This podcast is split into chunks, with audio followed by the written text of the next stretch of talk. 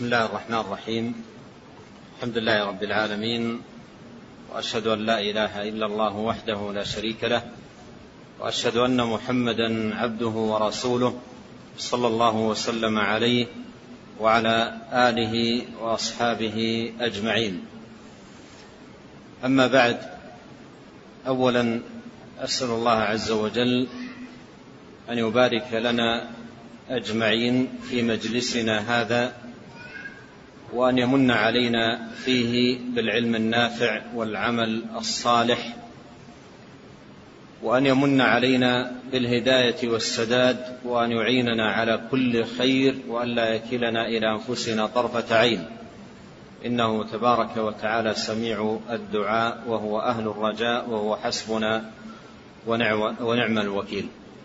ثم أيها الإخوة الأكارم هذه الرسالة التي بين أيدينا المعروفة بالفتوى الحموية الكبرى لشيخ الإسلام ابن تيمية رحمه الله تعالى رسالة عظيم نفعها كبيرة فائدتها في بابها توحيد الأسماء والصفات.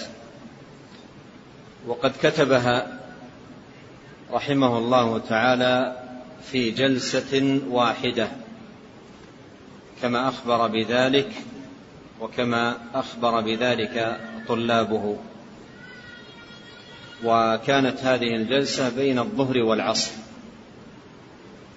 وسبب كتابته رحمه الله لهذه الرسالة طلب وجه إليه من حماة المدينة المعروفة في أرض الشام وألح عليه رحمه الله تعالى في الجواب على السؤال. وهذا شأن عامة وغالب رسائله رحمه الله تعالى تكون مبنية على سؤال وطلب فيكتب للحاجة. رحمه الله تعالى.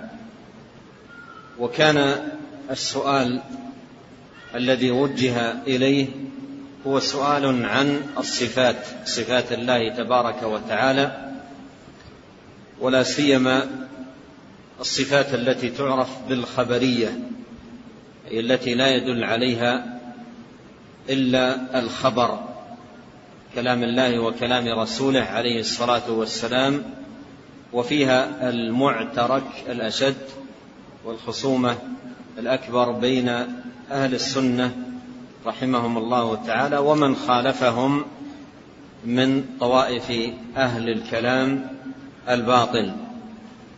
فحرر رحمه الله تعالى جواب هذا السؤال في قعدة واحدة في هذه الرسالة التي بين أيدينا. وضمنها رحمه الله من التحقيقات المتينة والتأصيل والتقعيد وحسن البيان والتقرير. ما جعل هذه الرسالة تعد مرجعا أساسا في هذا الباب بل إنها قررت من علماء أكابر في بعض الجامعات ككتاب لا بد منه لطالب العلم في المرحلة الجامعية. وهو أحد الكتب التي يسر الله لنا دراستها في كلية الدعوة وأصول الدين بالجامعة الإسلامية وكان مقررا علينا دراسة ذلك الكتاب في ذلك الوقت. وهو كتاب عظيم. كبير الفائدة. وضمنه رحمه الله تعالى نقولا ثمينة وأقوالا عديدة عن أئمة السلف رحمهم الله تعالى. كما أنه ضمنه شيئا من النقول عن بعض العلماء المعظمين عند أهل الكلام إلزاما لهم بنقل تلك الأقوال. وتضمنت هذه الرسالة فوائد عظيمة وثمينة ومهمة جدا لطالب العلم. يقول رحمه الله تعالى في بيان سبب تأليفه لهذه الرسالة كنت سئلت من مدة طويلة بعيد سنة تسع وستمائة عن الآيات والأحاديث الواردة في صفات الله تعالى. في فتيا قدمت من حماة أي أرسلت إليه رحمه الله تعالى من حماة فأحلت السائل على غيري. فأحلت السائل على غيري. فذكر أنهم يريدون الجواب مني فكتبت الجواب في قاعدة بين الظهر والعصر. فكتبت الجواب في قاعدة بين الظهر والعصر. وهذا المعنى ذكره أيضا عدد من تلاميذه وخواص طلابه ومنهم ابن القيم رحمه الله تعالى وابن عبد الهادي وغيرهما من تلامذة شيخ الإسلام ابن تيمية رحمه الله تعالى. وتعرف هذه الرسالة بالفتوى الحموية الكبرى.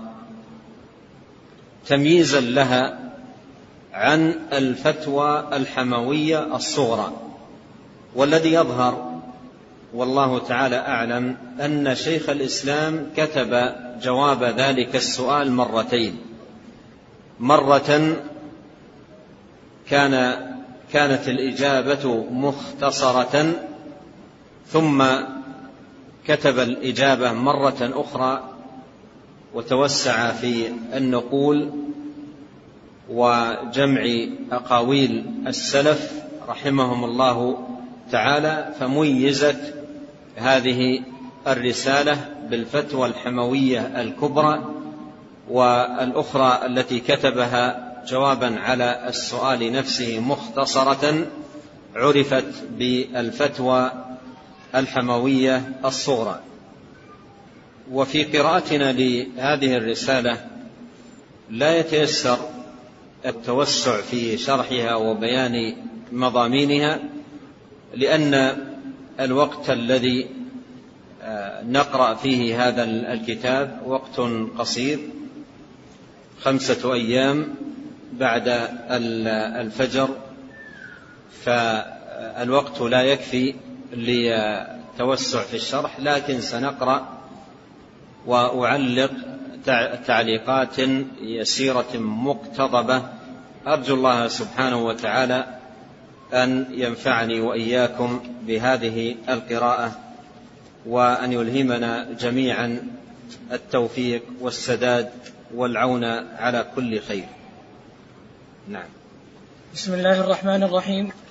سئل شيخ الإسلام أبو العباس أحمد بن تيمية رحمه الله تعالى وذلك في سنة ثمان وتسعين وستمائة وجرى بسبب هذا الجواب أمور ومحن وهذا جواب عظيم النفع جدا فقال السائل ما قولكم في آيات الصفات كقوله تعالى الرحمن على العرش استوى وقوله تعالى ثم استوى إلى السماء وهي دخان إلى غير ذلك من الآيات وأحاديث الصفات كقوله صلى الله عليه وسلم إن قلوب بني آدم بين أصبعين من أصابع الرحمن وقوله يضع الجبار قدمه في النار إلى غير ذلك من الأحاديث.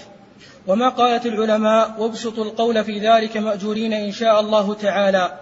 فأجاب هذا هو نص السؤال الذي ورد إلى شيخ الإسلام ابن تيمية رحمه الله تعالى. ومن كتب هذا السؤال هم من أهل حماة. ولهذا عرفت كما قدمت هذه الرسالة بالحموية. وكثير من رسائل شيخ الإسلام ابن تيمية رحمه الله تعرف في أسماء البلدان التي كتب شيخ الإسلام ابن تيمية رحمه الله تعالى في سؤال أو طلب كتابة في موضوع ما أو تقرير مسألة ما فكانت كثير من كتب شيخ الإسلام ابن تيمية رحمه الله تنسب إلى البلدان التي وردت منها تلك الأسئلة. كالتدمرية نسبة إلى تدمر والمدنية إلى المدينة والواسطية إلى واسط والصفدية. وهذه الرسالة التي بين أيدينا الحموية وكثير من كتبه رحمه الله تعالى. ثم إن هذه الرسالة كما جاء في بعض النسخ كتبها رحمه الله تعالى في سنة ثمان وتسعين وستمائة. كتب رحمه الله تعالى هذه الرسالة وهذا الجواب العظيم النافع. والسؤال كما نرى هو سؤال عن آيات الصفات وأحاديث الصفات. ما القول فيها؟ ما الذي يجب على المسلم أن يعتقده في آيات الصفات وأحاديث الصفات. ما القول الحق الذي ينبغي أن يكون عليه المسلم في آيات الصفات وأحاديث الصفات؟ وذكر في السؤال أمثلة على آيات في الصفات صفات الله تبارك وتعالى وأيضا أحاديث في الصفات فذكر ما يتعلق بالاستواء وأيضا ما يتعلق بإثبات الأصابع وأيضا ما يتعلق بإثبات القدم لله سبحانه وتعالى. فهذه بعض الذي ذكر وذكر تمثيلا ونبه السائل على ما سوى ذلك مما هو نظير له. بقوله إلى غير ذلك من الأحاديث. وهذه الآيات والأحاديث التي حددت أو ذكرت تحديدا في هذا السؤال كلها تتعلق بالصفات الخبرية. والصفات الخبرية هي التي لا سبيل إلى العلم بها إلا من خلال الخبر. يقابلها صفات تسمى أو توصف بالعقلية بمعنى أنه إضافة إلى دلالة الخبر عليها فإن العقل يدل عليها مثلا العلو والرحمة والقدرة والمشيئة والحياة وغيرها هذه صفات عقلية أي إضافة إلى دلالة الخبر عليها يمكن أن يستدل لها بالعقل. أما الصفات الخبرية فإنها ميزت بهذا الاسم باعتبار أنها لا سبيل إلى معرفتها إلا بالخبر فقط. فجاءت آيات وأحاديث مثبتة لهذه الصفات لله تبارك وتعالى فما القول الحق في ذلك؟ طلبوا من شيخ الإسلام ابن تيمية رحمه الله تعالى أن يبسط لهم الجواب في ذلك مأجورا. وكتب رحمه الله تعالى جواب هذا السؤال في قعدة بين الظهر والعصر في هذه الرسالة التي بين أيدينا. نعم. فأجاب الحمد لله رب العالمين. قولنا فيها ما قاله الله ورسوله صلى الله عليه وسلم والسابقون الأولون من المهاجرين والأنصار والذين اتبعوهم بإحسان. وما قاله أئمة الهدى بعد هؤلاء الذين أجمع المسلمون على هدايتهم ودرايتهم. وهذا هو الواجب على جميع الخلق في هذا الباب وغيره. فإن الله بعث محمدا صلى الله عليه وسلم بالهدى ودين الحق ليخرج الناس من الظلمات إلى النور بإذن ربهم إلى صراط العزيز الحميد. وشهد له بأنه بعثه داعيا إليه بإذنه وسراجا منيرا. وأمره أن يقول قل هذه سبيلي أدعو إلى الله على بصيرة أنا ومن اتبعني. فمن المحال في العقل والدين أن يكون السراج المنير الذي أخرج الله به الناس من الظلمات إلى النور وأنزل معه الكتاب بالحق ليحكم بين الناس فيما اختلفوا فيه وأمر الناس أن يردوا ما تنازعوا فيه من دينهم. إلى ما بعث به من الكتاب والحكمة وهو يدعو إلى الله وإلى سبيله بإذنه على بصيرة. وقد أخبر أنه أكمل له ولأمته دينهم وأتم عليهم نعمته. محال مع هذا وغيره أن يكون قد ترك باب الإيمان بالله والعلم به ملتبسا مشتبها فلم يميز بين ما يجب لله من الأسماء الحسنى والصفات العليا وما يجوز عليه وما يمتنع عليه. نعم. بدأ رحمه الله تعالى جواب هذا السؤال ببيان الأصل في هذا الباب وما يجب على كل مسلم تجاه آيات وأحاديث الصفات أن يقول فيها بما قاله الله وقاله رسوله عليه الصلاة والسلام في ضوء فهم السلف الصالح من الصحابة والتابعين لهم بإحسان. وهذا الأصل أصل يتبع في جميع أبواب الدين ويسار عليه في جميع مسائل الدين في أصوله وفروعه. وهذا هو الواجب على كل مسلم. ولهذا يقول الإمام أحمد رحمه الله تعالى ونصف الله بما وصف به نفسه وبما وصفه به رسوله صلى الله عليه وسلم لا نتجاوز القرآن والحديث.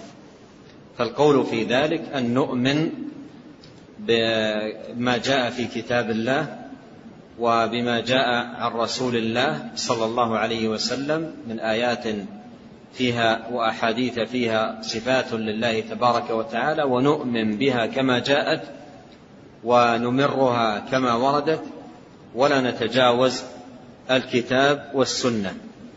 ونكون أيضا في فهمنا لهذه الآيات وتفقهنا في معانيها سائرين على نهج السلف الصالح من المهاجرين والأنصار والذين اتبعوهم بإحسان. وقد قال الله تعالى والسابقون الأولون من المهاجرين والأنصار والذين اتبعوهم بإحسان وقال تعالى ومن يشاقق الرسول من بعد ما تبين له الهدى ويتبع غير سبيل المؤمنين نوله ما تولى ونصله جهنم وساءت مصيرا. ثم نبه رحمه الله تعالى أنه من المحال أن يكون السراج المنير صلوات الله وسلامه عليه ترك هذا الأصل العظيم والأساس المتين الذي هو المعرفة بالله دون أن يبينه. وترك ذلك لعقول الناس تقول فيه ما شاءت وتخوض فيه كيفما أرادت. هذا من المحال. من المحال أن يكون النبي عليه الصلاة والسلام ترك الأمة دون أن يبين لهم ما يجب عليهم أن يعرفوه تجاه ربهم من حيث معرفة الله سبحانه وتعالى بأسمائه وصفاته. فإذا علم أن ذلك أمر باطل وأنه محال أن يكون النبي صلى الله عليه وسلم ترك بيان ذلك فيكون الواجب حينئذ أن يلزم المسلم هذا البيان البين والإيضاح الوافي الذي جاء عن الرسول الكريم عليه الصلاة والسلام. وإذا نظرنا إلى طريقة الصحابة والتابعين لهم بإحسان نجد أنهم يتلقون كل ما جاء عنه عليه الصلاة والسلام من آيات للصفات وأحاديث للصفات يتلقونها بالتسليم والقبول وعدم الاعتراض والانتقاد. وإنما وجد التأويل والاعتراض والانتقاد والمخالفة وجد فيما بعد عندما ذرت الفتن أو ظهرت الفتن بقرونها وبرزت وأصبحت التيارات البدعية الكلامية يعترضون وينتقدون على أحاديث الرسول الكريم بل وعلى آيات القرآن الكريم. نعم. فإن معرفة هذا أصل الدين وأساس الهداية وأفضل ما اكتسبته القلوب وحصلته النفوس. وأدركته العقول فكيف يكون ذلك الكتاب؟ وذلك الرسول وأفضل خلق الله بعد النبيين لم يحكموا هذا الكتاب اعتقادا وقولا. هذا الباب الذي هو معرفة الله بمعرفة أسماء وصفاته هو أصل الدين أي أساسه الذي عليه يبنى. النبي عليه الصلاة والسلام بين الدين كله أصوله وفروعه. من المحال أن يكون النبي عليه الصلاة والسلام بين للناس دينهم كيف يصلون كيف يتوضؤون كيف يتعاملون كيف يزكون كيف يصومون ولا يكون بين لهم الأصل والأساس الذي يبنى عليه الدين. هذا من المحال. من المحال أن أن يكون النبي عليه الصلاة والسلام ترك هذا الأصل دون بيان. نعم. قال رحمه الله ومن المحال أيضا أن يكون النبي صلى الله عليه وسلم قد علم أمته كل شيء حتى القراءة وقال تركتكم على البيضاء ليلها كنهارها لا يزيغ عنها بعدي إلا هالك وقال فيما صح عنه أيضا ما بعث الله من نبي إلا كان حقا عليه أن يدل أمته على خير ما يعلمه لهم وينهاهم عن شر ما يعلمه لهم وقال أبو ذر رضي الله عنه لقد توفي رسول الله صلى الله عليه وسلم وما من طائر يقلب جناحيه في السماء إلا ذكر لنا منه علما. وقال عمر بن الخطاب رضي الله عنه قام فينا رسول الله صلى الله عليه وسلم مقاما فذكر بدأ الخلق حتى دخل أهل الجنة منازلهم وأهل النار منازلهم حفظ ذلك من حفظه ونسيه من نسيه. رواه البخاري. يقول آه، رحمه الله تعالى من المحال أن يكون النبي عليه الصلاة والسلام بين التفاصيل الدقيقة المتعلقة بالأحكام والفروع ومن ذلك ما مثل له بالخراءة أي قضاء الحاجة وآداب قضاء الحاجة. بينه تفصيلا ومن يقرأ في كتب الفقه أو أحاديث الأحكام يجد أحاديث كثيرة جدا وتفاصيل واسعة كلها تتعلق بقضاء الحاجة. جاء هذا الأمر مفصلا عنه صلوات الله وسلامه عليه. وقد جاء عن سلمان الفارسي رضي الله عنه لما أخذ بعض المشركين واليهود يتهكم ويسخر ويقول نبيكم علمكم كل شيء. حتى القراءة يقولون ذلك على وجه السخرية والتهكم. فقال رضي الله عنه لما قالوا ذلك أجل. نهانا أن نستقبل القبلة بغائط أو بول أو أن نستنجي باليمين أو أن نستنجي بأقل من ثلاثة أحجار أو أن نستنجي برجيع أو بعظم. هذه مفخرة تعتبر. هذه مفخرة لأمة الإسلام ومنقبة عظيمة. أن النبي عليه الصلاة والسلام بين كل شيء. والله إنها نعمة عظمى ومنا كبرى بهدايات هذا الدين حتى التفاصيل الدقيقة التي تتعلق بقضاء الحاجة بماذا ينظف الخارج من السبيلين وكيف ينظف ذلك وأي يد يستخدم وكيف يجلس وكيف يتوارى عن الأنظار وكيف يستر عورته وكيف يتجنب. رشاش البول لا يمس بدنه تفاصيل عظيمة جدا مبينة. من المحال انتبه لهذه الفائدة. من المحال أن يكون النبي صلى الله عليه وسلم فصل هذه التفاصيل التي تتعلق بالفروع مثل آداب قضاء الحاجة ويترك الأصل الذي هو معرفة الله سبحانه وتعالى دون أن يبينه. ويترك هذا الأصل الذي هو معرفة الله سبحانه وتعالى دون أن يبينه. فيقول هذا من المحال. وهو عليه الصلاة والسلام ترك أمته على البيضاء أي الواضحة. ليلها كنهارها سواء. من المحال أن يكون تركهم على البيضاء ويكون أصل الدين وأساسه لم يوضحه ولم يبينه لهم عليه الصلاة والسلام.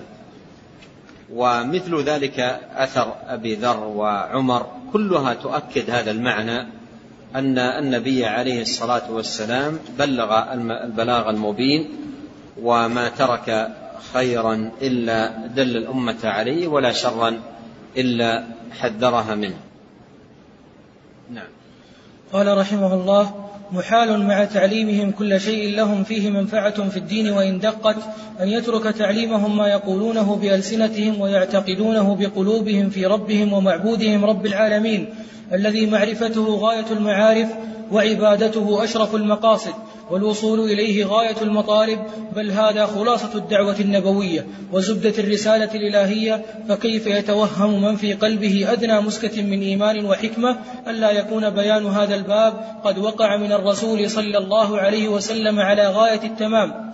إذا كان قد وقع ذلك منه فمن المحال أن يكون خير أمته وأفضل قرونها قصروا في هذا الباب زائدين فيه أو ناقصين عنه. نعم. يعني أن هذا كله تأكيد لما سبق أن النبي عليه الصلاة والسلام بين الدين كله أصوله وفروعه أتم بيان وما ترك شيئا من أبواب الدين إلا وقد بينه صلوات الله وسلامه عليه. ومن المحال أن يكون قد ترك أشرف الأمور وأجل المقاصد الذي هو معرفة الله سبحانه وتعالى دون أن يبين. هذه كلها مقدمات يذكرها رحمه الله ويفصل فيها ليؤكد هذه الحقيقة.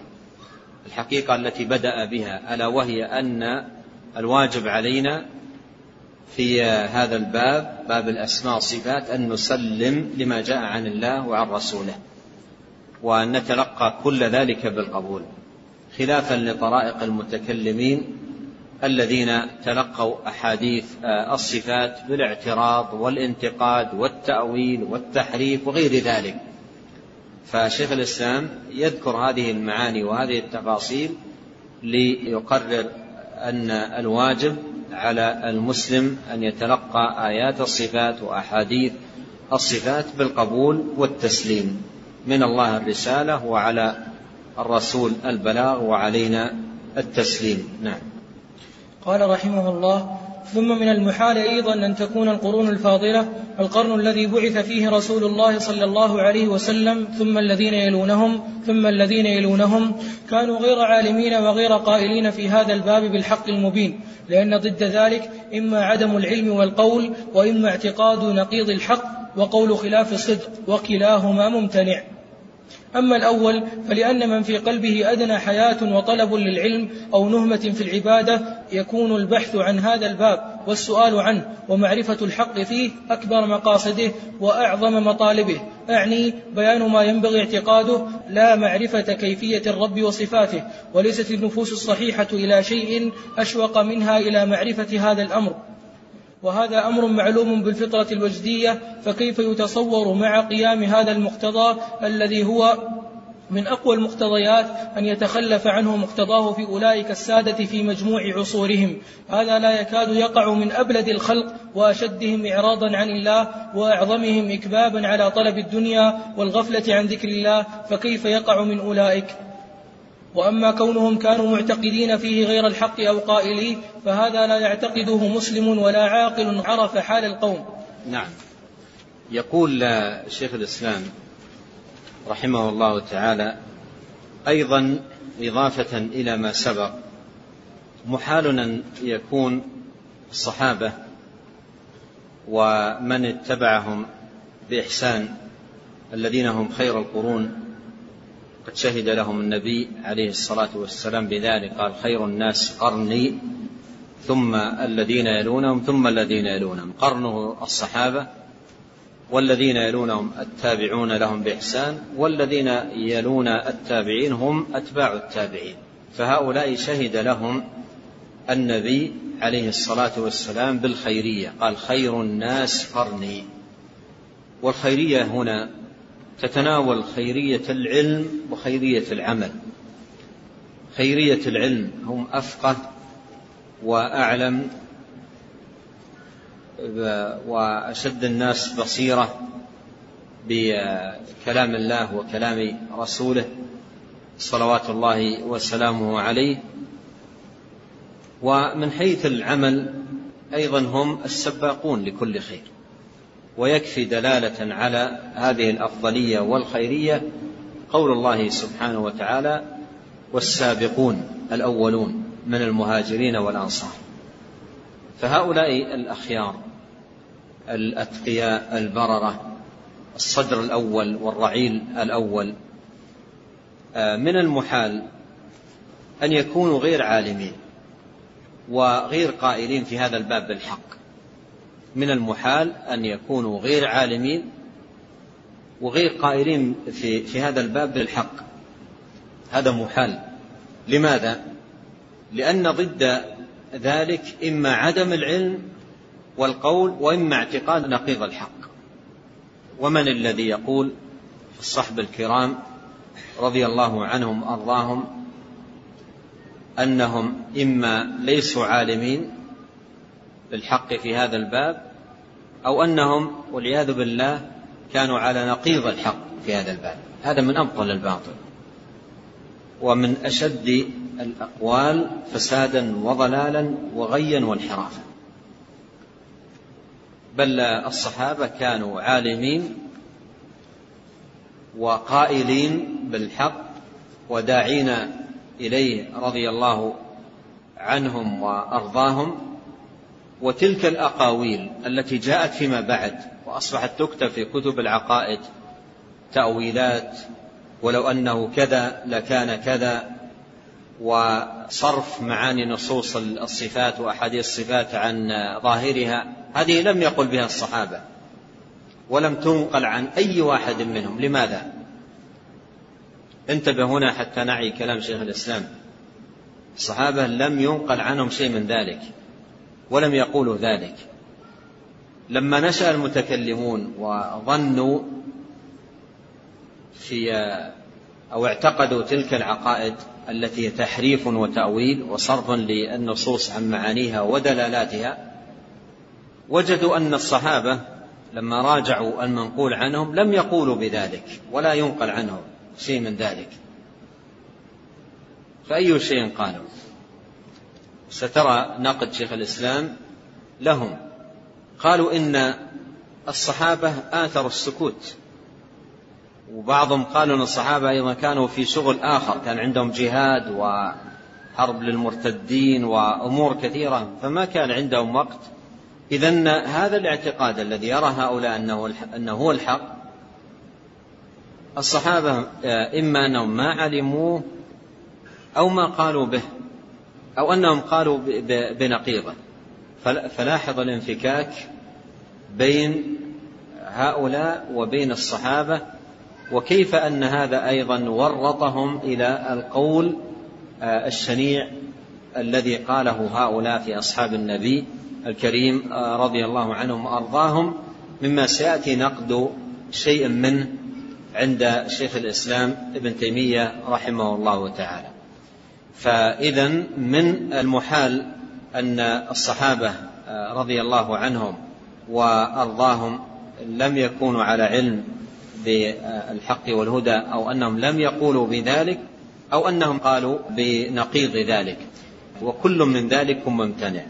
بين امتناع الأول الذي هو عدم العلم والقول بالحق بقوله رحمه الله من في قلبه أدنى حياة وطلب للعلم أو نهمة في العبادة يكون البحث عن هذا الباب والسؤال عنه ومعرفة الحق فيه أكبر مقاصده وأعظم مطالبه أعني بيان ما ينبغي اعتقاده لا معرفة كيفية الرب وصفاته.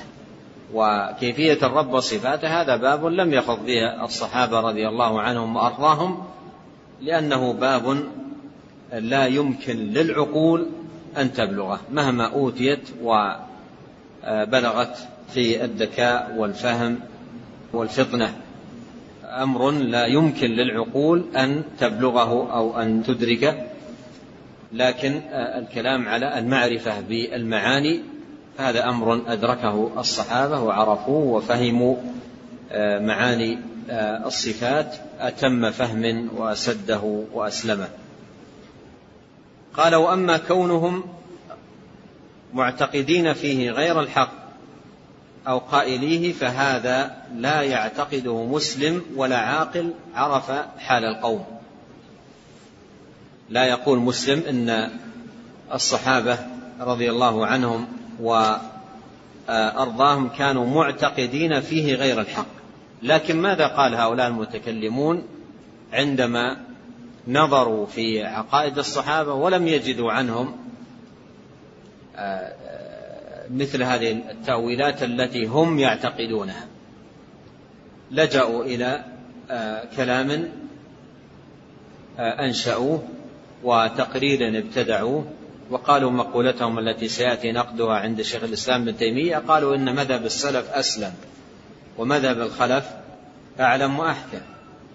الخلف عندهم النظر والبحث والتعمق والتأويل وكل هذه الأشياء التي هم لم يجدوها عند الصحابة فقالوا مذهب السلف أسلم. بمعنى أن مذهب السلف كان مجرد قراءة لآيات الصفات وأحاديث الصفات دون فهم. بمنزلة الأميين الذين لا يعلمون الكتاب إلا أماني. بينما الخلف كان مذهبهم أعلم وأحكم. سبحان الله ما أعظمها من جناية وتعدي وقول باطل وتجني على السلف ولا سيما الصحابة الكرام. كيف يقال إن مذهب المتأخرين الخائضين في صفات الله بالعقول والآراء والمنطقيات كيف يقال إن مذهبهم أعلم وأحكم من مذهب الصحابة. ومن هذا الذي يقول إن إنه في, في, في صفات الله أعلم من أبي بكر وأعلم من عمر وأعلم من عثمان وأعلم من علي؟ لا يقول ذلك إلا من سفه نفسه. لا يقول ذلك إلا الضال المنحرف الذي جنى في, في هذا الباب جنايتين.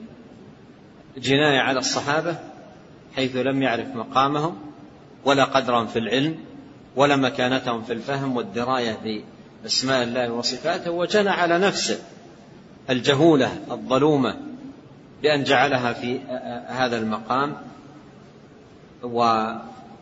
ورفعها هذا الرفع أنه أعلم أعلم من الصحابة وأعلم من التابعين.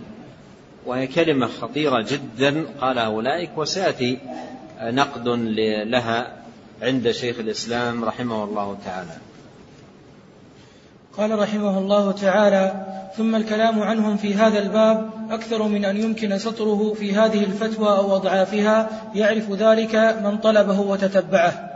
ولا يجوز أيضا أن يكون الخالفون أعلى من السالفين كما يقوله بعض الأغبياء ممن لم يقدر قدر السلف بل ولا عرف الله ورسوله والمؤمنين به حقيقة المعرفة المأمور بها من أن طريقة السلف أسلم وطريقة الخلف أعلم وأحكم. فإن هؤلاء المبتدعة الذين يفضلون طريقة الخلف على طريقة السلف إنما أتوا من حيث ظنوا أن طريقة السلف هي مجرد الإيمان بألفاظ القرآن والحديث. من غير فقه لذلك بمنزلة الأميين الذين قال فيهم ومنهم, أمي ومنهم أميون لا يعلمون الكتاب إلا أماني. وأن طريقة الخلف هي استخراج معاني النصوص المصروفة عن حقائقها بأنواع المجازات وغرائب اللغات. فهذا الظن الفاسد أوجب تلك المقالة التي مضمونها نبذ الإسلام وراء الظهر وقد كذبوا على طريقة السلف وضلوا في تصويب طريقة الخلف فجمعوا بين الجهل بطريقة السلف في الكذب عليهم وبين الجهل والضلال بتصويب طريقة الخلف. وسبب ذلك اعتقادهم أنه ليس في نفس الأمر صفة دلت عليها هذه النصوص للشبهات الفاسدة التي شاركوا فيها إخوانهم من الكافرين. فلما اعتقدوا انتفاء الصفات في نفس الأمر وكان مع ذلك لا بد للنصوص من معنى بقوا مترددين بين الإيمان باللفظ وتفويض المعنى وهي التي يسمونها طريقة السلف وبين صرف اللفظ إلى معان بتنوع بنوع, بنوع تكلف وهي التي يسمونها طريقة الخلف فصار هذا الباطل مركبا من فساد العقل والكفر بالسمع. فإن النفي إنما اعتمدوا فيه على أمور عقلية ظنوها بينات وهي شبهات والسمع حرفوا فيه الكلام عن مواضعه. فلما انبنى أمرهم على هاتين المقد فلما انبنى أمرهم على هاتين المقدمتين الكفريتين كانت النتيجة استجهال السابقين الأولين واستبلاههم واعتقاد أنهم كانوا قوما أميين بمنزلة الصالحين من العامة لم يتبحروا في حقائق العلم بالله ولم يتفطنوا لدقائق العلم الإلهي وأن الخلف الفضلاء حازوا قصب السبق في هذا كله. نعم. هنا بدأ رحمه الله تعالى نقد هؤلاء في تجهيلهم للسلف.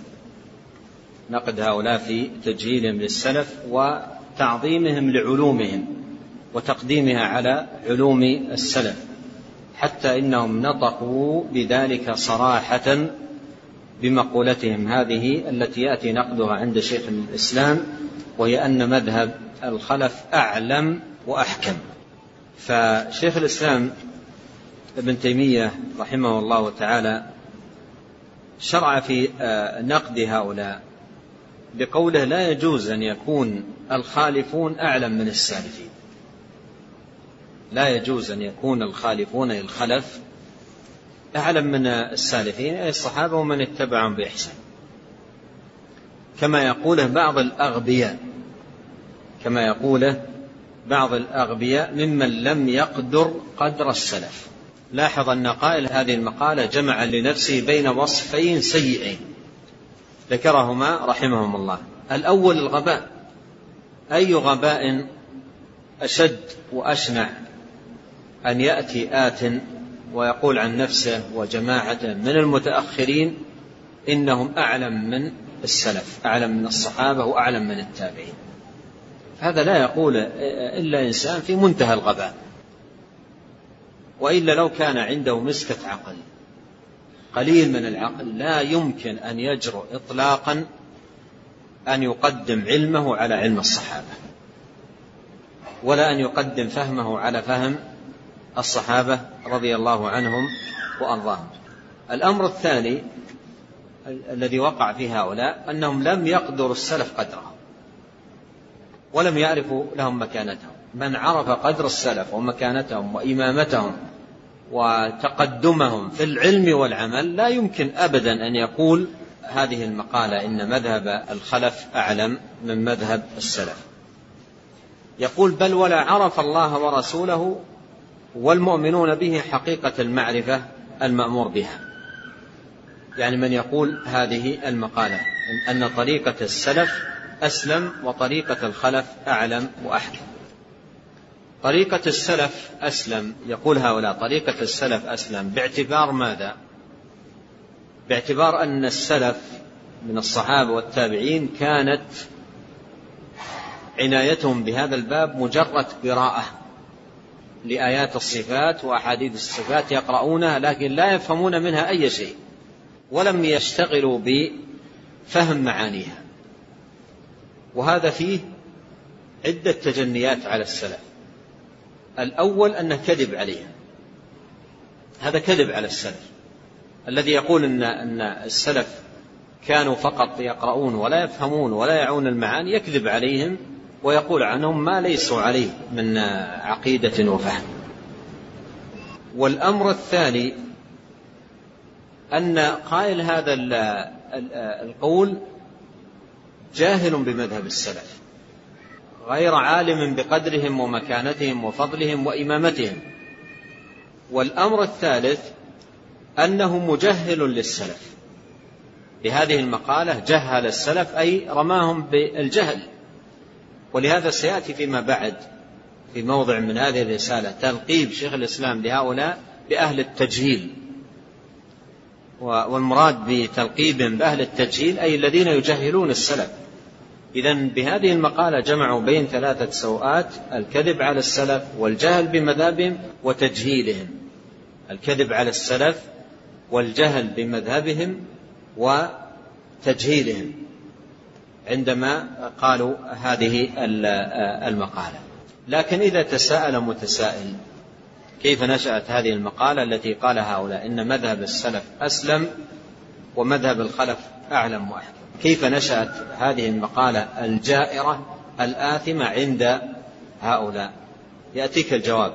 قال فإن هؤلاء المبتدعة الذين يفضلون طريقة الخلف على طريقة السلف إنما أتوا من حيث ظنوا أن طريقة السلف هي مجرد الإيمان بألفاظ القرآن والحديث.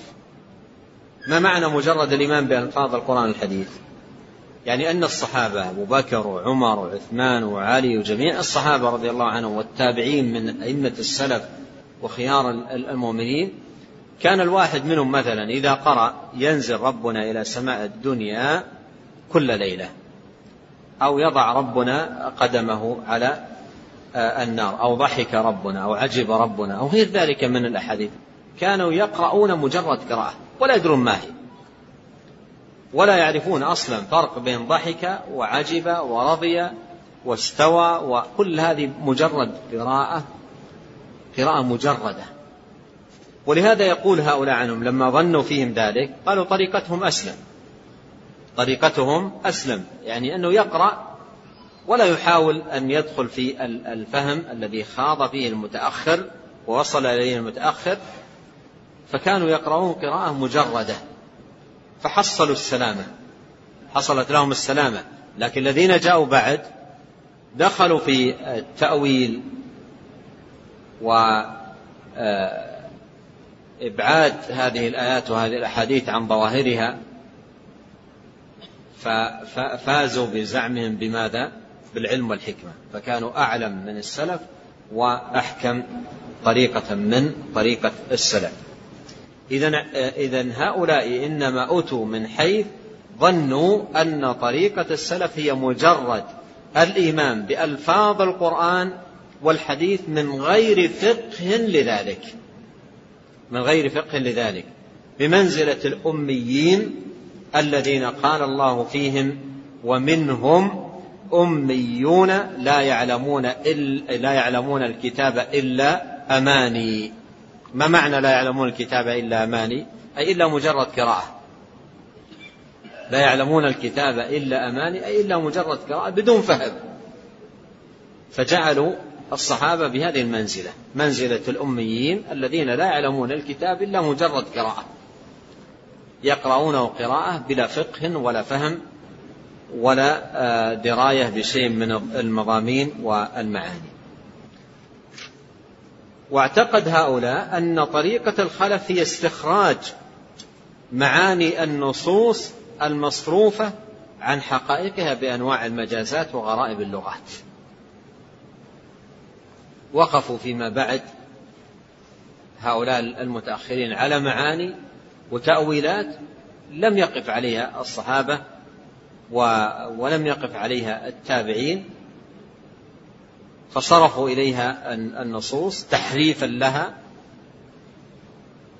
عن معانيها وعن مدلولاتها. فلما وجدوا أنفسهم كذلك وأن هذا لا, لا يوجد شيء منه عند آه، السلف رحمهم الله تعالى اعتقدوا في طريقتهم أنها طريقة أعلم وأحكم من طريقة السلف. فهذا الظن الفاسد أوجب تلك المقالة.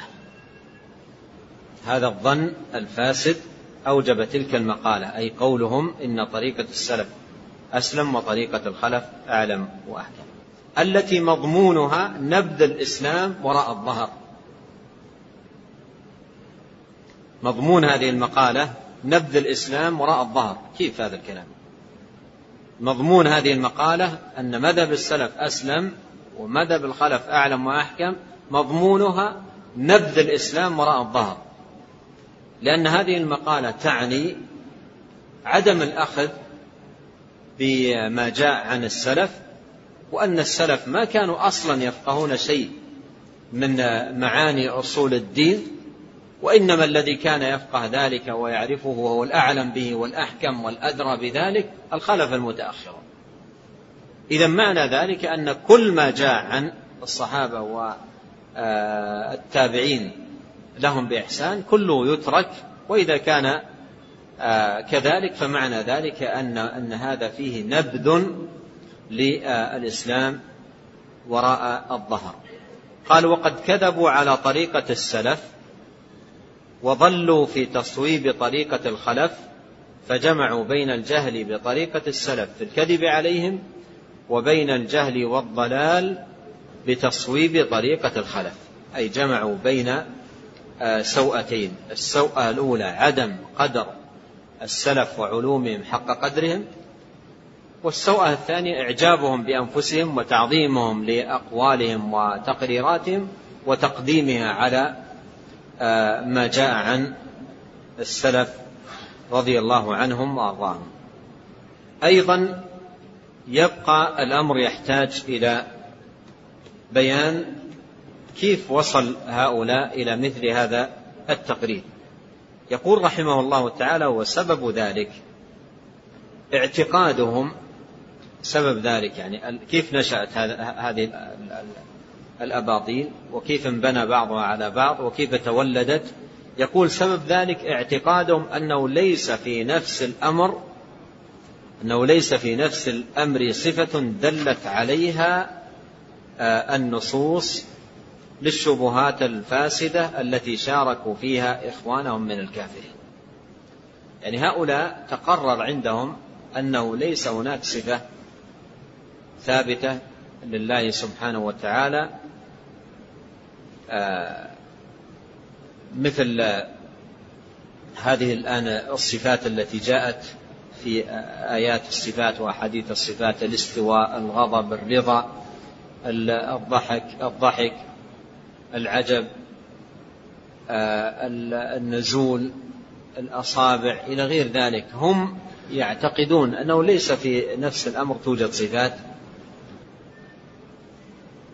آه، لله تبارك وتعالى وأن هذه لا يمكن أن تكون ثابتة لله. لأمور سيأتي أيضا آه، ذكرها ونقدها تفصيلا عند شيخ الإسلام ابن تيمية رحمه الله. فلما اعتقدوا انتفاء الصفات في نفس الأمر لما اعتقدوا انتفاء الصفات في نفس الأمر وكانوا مع ذلك لا بد للنصوص من معنى.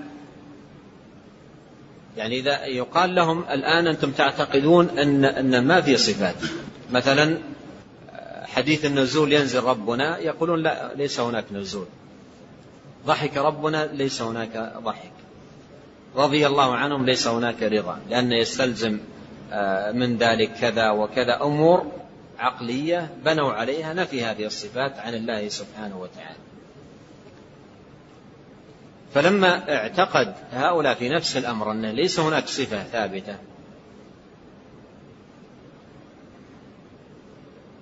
آيات الصفات وأحاديث الصفات لا بد لها من معنى. لا بد لها من معنى. فماذا يصنع فيها؟ يقول وكان مع ذلك لا بد للنصوص من معنى. بقوا مترددين بين الإيمان باللفظ وتفويض المعنى وهي, وهي التي يسمونها طريقة السلف. قالوا أن السلف رحمهم الله ما كانوا يفهمون المعاني. ما كانوا يفهمون المعاني. وسيأتي في نقولات شيخ الإسلام وهذا أيضا باب جميل من التفقه في في في في فهم في نعم في الآثار المروية عن السلف الدالة على فهمهم للمعاني. هناك نقول كثيرة عنهم تدل على أنهم فهموا المعنى. يعني مثلا عندما نزل قول الله تعالى قد سمع الله قول التي تجادلك في زوجها. وتشتكي إلى الله. والله يسمع تحاوركما إن الله سميع بصير. لما نزلت هذه الآية كما جاء في الصحيح قالت عائشة الحمد لله أو تبارك الذي وسع سمعه الأصوات. قول عائشة وسع سمعه الأصوات. هذا يدل على أنها فهمت ثبوت السمع صفة لله أو لم أو لم تفهم. وأيضا أن سمع الله وسع الأصوات كلها أن يسمع جميع الأصوات سبحانه وتعالى. فالسلف عنهم نقول كثيرة جدا واضحة أنهم كانوا يفهمون المعاني يفهمون المعاني. فبل بل إن ابن القيم رحمه الله في كتابه الصواعق رحمه الله قرر أن عناية الصحابة بفهم المعاني كانت أشد من العناية بحفظ الألفاظ. عناية الصحابة رضي الله عنهم في فهم المعاني كانت أشد من عنايتهم بالألفاظ. يقول رحمه الله في الصواعق فالصحابة أخذوا عن رسول الله صلى الله عليه وسلم ألفاظ القرآن ومعانيه بل كانت عنايتهم بأخذ المعاني أعظم من عنايتهم بالألفاظ. يأخذون المعاني اولا ثم يأخذون الألفاظ. هذا نص آه، آه، كلام ابن القيم آه، رحمه الله تعالى. يقول رحمه الله بقوا مترددين بين الإيمان باللفظ وتفويض المعنى وهي التي يسمونها طريقة السلف وبين صرف اللفظ إلى معان بنوع بنوع تكلف. إلى معان بنوع تكلف وهي التي يسمونها طريقة الخلف فصار هذا الباطل مركبا من فساد العقل والكفر بالسمع. الكفر بالسمع من حيث عدم إيمانهم بمدلولات آيات الصفات وأحاديث الصفات وعدم اعتقادهم ما دلت عليه من معاني. وفساد العقل من حيث تعظيم هذا العقل وقبول تلك التأويلات التي الباطلة التي توصلوا إليها بعقولهم. فإن النفي إنما اعتمدوا فيه على أمور عقلية ظنوها بينات وهي شبهات والسمع حرفوا فيه الكلمة عن مواضعه. قال فلما انبنى أمرهم على هاتين المقدمتين الكفريتين كانت النتيجة استجهال السابقين الأولين كانت النتيجة استجهال السابقين الأولين واستبلاههم استجهالهم أي اعتبارهم أهل جهل واستبلاهم أي أهل بلاهة لا يفهمون ولا يعون ولا يعقلون واعتقد واعتقاد أنهم كانوا قوما أميين بمنزلة الصالحين من العامة. بمنزلة الصالحين من العامة لم يتبحروا في حقائق العلم بالله ولم يتفطنوا لدقائق العلم الإلهي وأن الخلف الفضلاء حازوا قصب السبق في هذا كله. يعني هذا يوضح من خلاله كيف نشأت تلك المقالة التي قدم فيها هؤلاء علومهم على علوم السلف وفضلوها على علوم السلف فقالوا عنها إنها أعلم وأحكم. نعم. قال رحمه الله تعالى ثم هذا القول إذا تدبره الإنسان وجده في غاية الجهالة بل في غاية الضلالة. كيف يكون هؤلاء المتأخرون لا سيما والإشارة بالخلف إلى ضرب من المتكلمين الذين كثر في هذا في باب الدين اضطرابهم وغلظ عن معرفة الله حجابهم وأخبر الواقف على نهايات إقدامهم بما انتهى إليه من مرامهم حيث يقول لعمري لقد طفت المعاهد كلها وسيرت طرفي بين تلك المعالم فلم أر إلا واضعا كف حائر على ذقن أو قارعا سن نادم. واقروا على نفوسهم بما قالوه متمثلين به أو منشئين له فيما صنفوه من كتبهم كقول بعض رؤسائهم نهاية إقدام نهاية إقدام العقول عقال وأكثر سعي العالمين ضلال وأرواحنا في وحشة من جسومنا وغاية دنيانا أذى ووبال. ولم نستفد من بحثنا طول عمرنا سوى أن جمعنا فيه قيل وقالوا. لقد تأملت الطرق الكلامية والمناهج الفلسفية فما رأيتها تشفي عليلا ولا تروي غليلا. ورأيت أقرب الطرق طريقة القرآن. أقرأ في الإثبات الرحمن على العرش استوى إليه يصعد الكلم الطيب. وأقرأ في النفي ليس كمثله شيء وهو السميع البصير ولا يحيطون به علما. ومن جرب مثل تجربتي عرف مثل معرفتي. ويقول الآخر منهم لقد خضت البحر الخضم وتركت أهل الإسلام وعلومهم وخضت في هذا الذي نهوني عنه والآن إن لم يتداركني ربي برحمة منه فالويل لفلان وها أنا ذا أموت على عقيدة أمي. ويقول الآخر منهم أكثر الناس شكا عند الموت أصحاب الكلام. ثم هؤلاء المتكلمون. نعم. يقول آه، رحمه الله تعالى في هذا الموضع. لما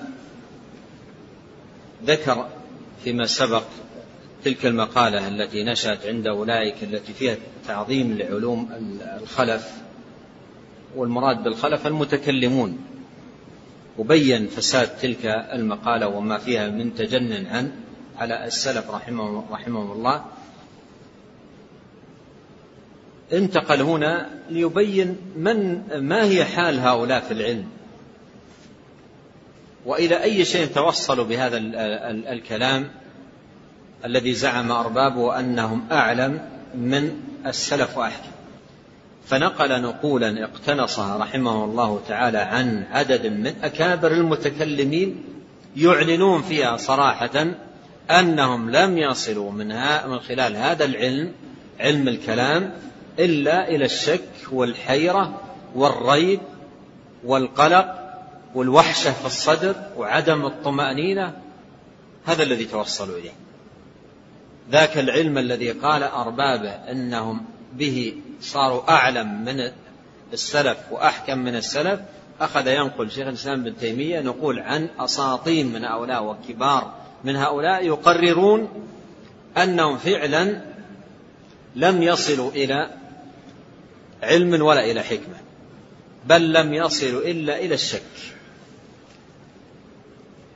وشهدوا بذلك شهادات سطروها بعضهم كتبها نثرا وبعضهم كتبها شعرا. يعلم فيها صراحة أنه إطلاقا لم يصل إلى علم ولا إلى حكمة. فأصبح الآن قولهم انتقض عليهم من أساطينهم. وكبرائهم. تقولون أن مذهب الخلف أعلم وأحكم. ها هم الخلف الذين تنادون بأن مذهبهم أعلم وأحكم من السلف. يعلنون حيرتهم واضطرابهم وشكهم وأنهم لم يصلوا من هذه العلوم التي علوم الكلام إلا إلى الحيرة والشك. حتى إن يعني بعضهم وهو الغزالي في إحياء علوم الدين. نقد علم الكلام نقد علم الكلام نقد شديد جدا ونقل نقد ونقل نقده لعلم الكلام شارح الطحاوية ابن أبي العز. نقده نقدا شديدا. وقال لو أن هذا الكلام الذي تسمعونه مني في نقد علم الكلام. لو سمعتوه من محدث من محدث يعني ما لم يشتغل بعلم الكلام لقلتم الناس أعداء لما جهلوا. لقلتم الناس أعداء لما جهلوا. يعني لأن أهل الحديث يجهلون علم الكلام ولهذا ينتقدونه لكن خذوا هذا النقد من شخص بلغ علم الكلام إلى منتهى. ثم يعلنها مدوية بأن أن الوصول إلى طريق الحق من خلال علم الكلام مسدود. يعني مثلا الآن أصور لكم القضية. لو أن شخص مشى مع طريق يريد مكة مثلا ومشى 600 كيلو في وعورة وحفر وأذى في الطريق ثم في النهاية وجد الطريق مغلق ما يوصل إلى مكة. ورجع. رجع. ولما وصل إليكم قال الطريق هذا لا يوصل إلى مكة. بل طريق وعر ومليء بالحفر ومليء بالوحوش ومليء بكذا ومليء بكذا. وأنا وصلت إلى نهايته وجدت أنه مسدود. ورجعت ما وجدت طريق هو صور علم الكلام بهذه الصورة. قال إن, إن, إن, إن يقول ومن جرب مثل تجربتي عرف مثل معرفتي. من هذا كله موجود في كتاب إحياء علوم الدين. يقول ومن جرب مثل تجربتي عرف مثل معرفتي. وأعلن هذا الإعلان الواضح قال الطريق إلى الحق مسدود من خلال علم الكلام. وفي إحياء علوم الدين باب عنوانه العقائد. برمته مبني على علم الكلام. برمته مبني على علم الكلام. مبني على هذا العلم الذي قال عنه في الإحياء نفسه أنه مسدود. فصار المثل هنا انطبق على حال شخص ذهب مع طريق ظن أنه يوصل إلى مكة وبعد أن قطع في ذلك الطريق المسافة الطويلة رجع بالعناء والتعب وتبين له أنه مسدود ثم أخذ الناس معه ودخل بهم مع الطريق نفسه ودخل بهم مع الطريق نفسه. وهذه من البلايا. نسأل الله عز وجل العافية والسلامة. فالشاهد أن شيخ الإسلام ابن تيمية رحمه الله تعالى هنا ينقل نقولات عديدة عن أكابر هؤلاء المتكلمين أنهم لم يصلوا من خلال هذا العلم إلا إلى الحيرة والشك والاضطراب. انظر ماذا يقول رحمه الله. يقول لا سيما والإشارة بالخلف إلى ضرب من المتكلمين. انتبه ولا سيما أن الإشارة بالخلف إلى ضرب من المتكلمين الذين كثر في باب الدين اضطرابهم وغلظ عن معرفة الحق عن معرفة الله حجابهم. وأخبر الواقف على نهايات إقدامهم بما انتهت إليه بما انتهى إليه من مرامهم حيث يقول لعمري والقائل الشيرستاني لعمري لقد طفت المعاهد كلها وسيرت طرفي بين تلك المعالم. فلم أرى إلا واضعا كف حائر على ذقن أو قارعا سن نادم. هذا أحد أساطين هؤلاء وهو الشيرستاني يقول طفت على المعاهد كلها. يعني مررت على مدارس علم الكلام مدرسة مدرسة ومعهدا معهدا. وما رأيت إلا إما شخص حائر شخص حائر واضعا كف كفا على ذق يعني صفة المحتار شخص احتار لا يدري ماذا. يعني بعض المتكلمين يصف نفسه يقول آتي باللحاف في الليل وأضع رأسي على الوسادة وأغطي رأسي وآتي بأدلة هؤلاء وأدلة هؤلاء المتكلمين. يقول وأعرضها على بعض يقول ويخرج الصبح علي وما فهمت شيئا. وما فهمت شيئا. ونقل هذا ابن أبي العز رحمه الله في شرح العقيدة الطحاوية.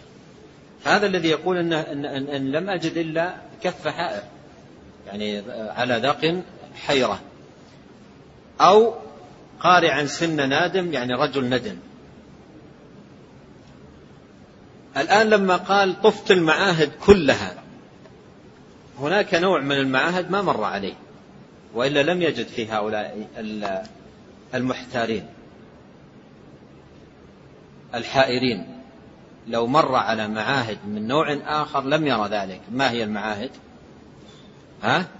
معاهد السنة. لو, يج... لو مر على معاهد السنة لم يجد هذه الحيرة. لو وجد الصدر منشرح والنفس طيبة والغبطة والفرح. بما أكرمهم الله سبحانه وتعالى به من سنة النبي صلى الله عليه وسلم.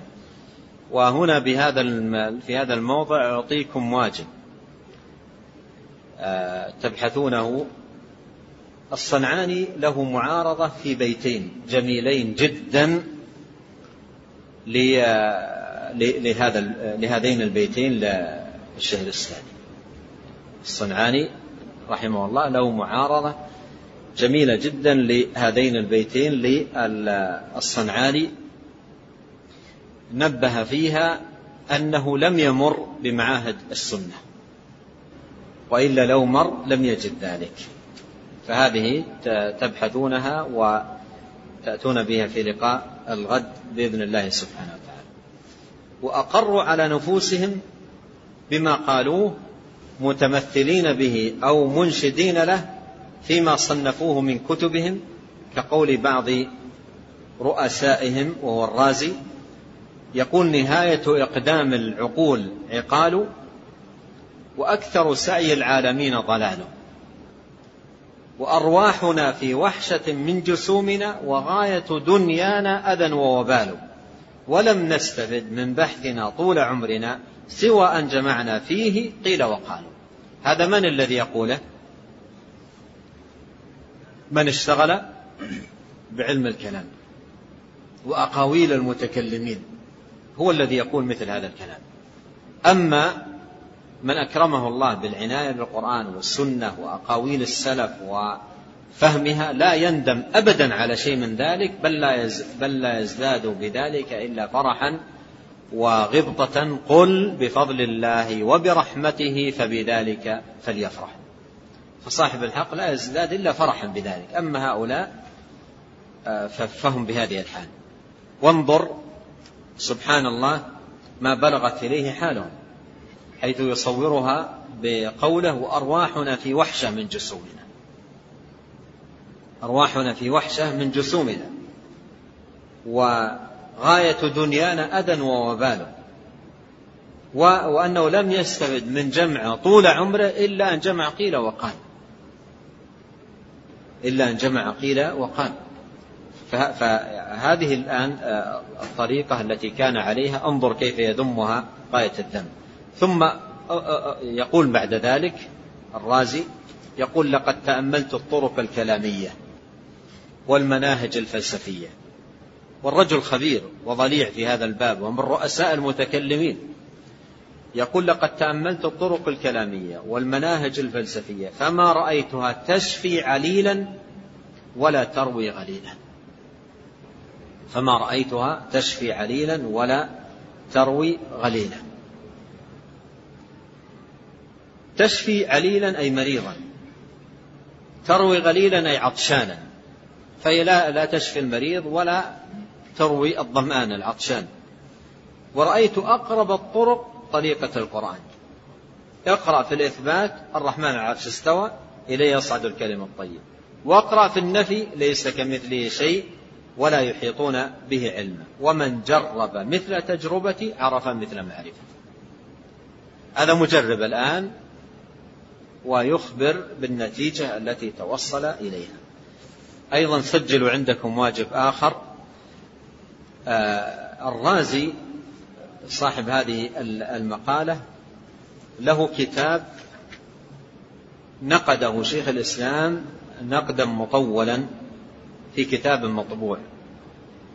فما هو هذا الكتاب الذي نقد فيه ابن تيمية رحمه الله الرازي بتوسع وبماذا كان يلقب الرازي في ذلك الكتاب ولماذا؟ بماذا كان يلقب الرازي في ذلك الكتاب ولماذا؟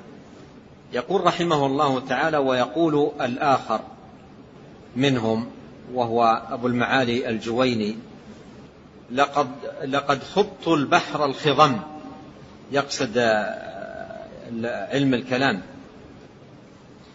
وتركت أهل الإسلام وعلومهم يعني تركت أقوال المحدثين وكلام أئمة السلف تركت أهل الإسلام وعلومهم وخضت في الذي نهوني عنه السلف نقلت عنهم نقول وسيأتي بعضها نهي عن الخوض في علم الكلام وتحذير التحذير منه. ولهذا يقول خضت في الذي نهوني عنه. والآن إن لم يتداركني ربي برحمته فالويل لفلان. الويل لفلان أي الويل لابن الجويني. وها أنا ذا أموت على عقيدة أمي. رجع إلى عقيدة أمه. وكان بعضهم يقول الفائز من مات على دين العجائز. يعني عقيدة أمه. يقصد على الفطرة بعيد عن ذلك الكلام والشغب الطويل الذي خاض فيه وأفنى فيه عمرا. ويقول الآخر منهم أكثر الناس شكا عند الموت أصحاب الكلام. وبئست الخاتمة هذه تصل بصاحبها هذا الموصل أن يكون عند الموت في شك أي لا يموت على عقيدة آه، صحيحة وإيمان راسخ بالله بل في شك لا يدري ماذا يعتقد. لا يدري ماذا يعتقد فيموت على الحيرة والشك عياذا بالله من ذلك. نسأل الله عز وجل أن ينفعنا بما علمنا وأن يزيدنا علما وأن يصلح لنا شأننا كله وأن لا يكلنا إلى أنفسنا طرفة عين والله تعالى أعلم وصلى الله وسلم على عبده ورسوله نبينا محمد وآله وصحبه.